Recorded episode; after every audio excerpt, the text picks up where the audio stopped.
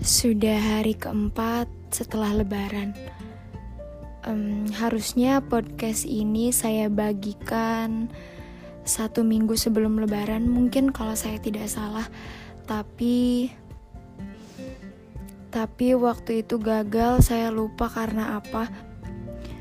Tapi yang jelas waktu itu saya terlalu deg-degan untuk membagikan ini. Um, tapi setiap kali saya menulis dan ingin membagikannya sih saya selalu deg-degan. Uh, gak tahu juga karena apa. Ya deg-degan aja gitu, nggak ngerti kenapa. Mungkin waktunya sekarang kurang tepat saya bagikan, tapi daripada tidak sama sekali, saya mau tetap membagikannya. Ini bagian paling membingungkan Saya gak tahu harus mulai dari mana. Saya percaya sama kalimat kita akan ketemu hanya dengan apa yang kita cari. Kayak kalau mau ke warung buat beli gula, gak mungkin ngeluarin uang buat bawa pulang garam kan? Um, kira-kira gitu deh. Pokoknya kalimat kita bakal ketemu sama apa yang kita cari tuh nempel banget di saya. Tapi ada satu bagian yang menyenangkan yang datang dalam hidup kita mungkin cuma satu kali. Pernah gak sih kalian ngerasa beruntung banget? Entah karena dapat sesuatu yang kalian inginkan secara tiba-tiba, entah kalian keterima di universitas atau tempat kerja yang kalian idamkan, atau bahkan dapat teman paling menyebalkan sekaligus menyenangkan yang bikin kamu mikir kenapa nih orang bisa jadi temen ya. Saya sedang begitu sekarang.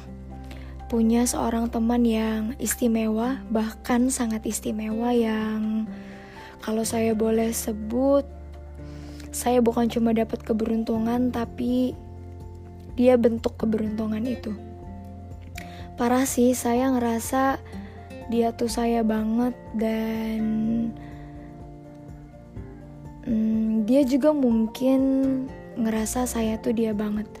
Sampai akhirnya ternyata semesta nggak melulu ngajarin kita buat bersama sama yang sama. Semesta mau kita belajar buat jalan sama yang beda.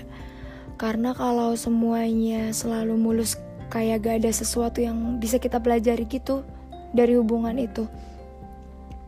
Saya sadar banget dari awal saya ngerasa dia adalah keberuntungan, maka gak akan datang dua kali, jadi saya harus jaga baik-baik. Tapi coba kita pikir, apa yang dijaga adalah sesuatu yang potensi hilangnya lebih besar gitu gak sih? Saya takut kehilangan dan dia pergi ternyata benar. Kayaknya sesuatu yang kita takutkan tuh itu yang bakal kejadian. Karena dalam hidup saya kayaknya realita tuh selalu berbanding terbalik dengan ekspektasi. Saya ketakutan sampai saat ini karena saya gak pernah dapet temen super nyebelin kayak dia tapi selalu bikin semuanya menyenangkan. Kayak saya tuh ketemu dia kayak ketemu diri saya sendiri kalimat kamu tuh aku banget dan aku tuh kamu banget jadi gambaran paling tepat sebelum akhirnya saya menyadari bahwa ada bagian kalimat yang luput dari pertemanan kami.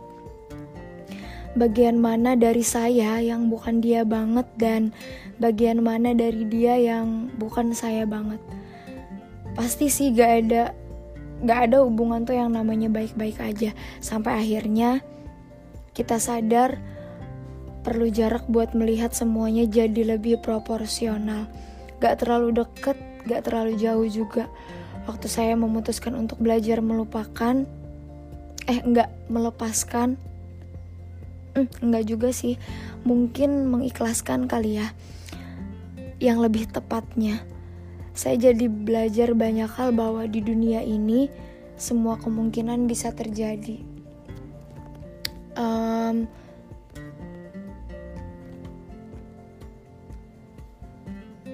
saya harus minta maaf sama isi kepala saya sendiri. Karena yang selalu bikin saya banyak berharap adalah apa yang ada di kepala saya. Belajar ngatur semuanya tuh kayak belajar yang gak pernah ada hentinya.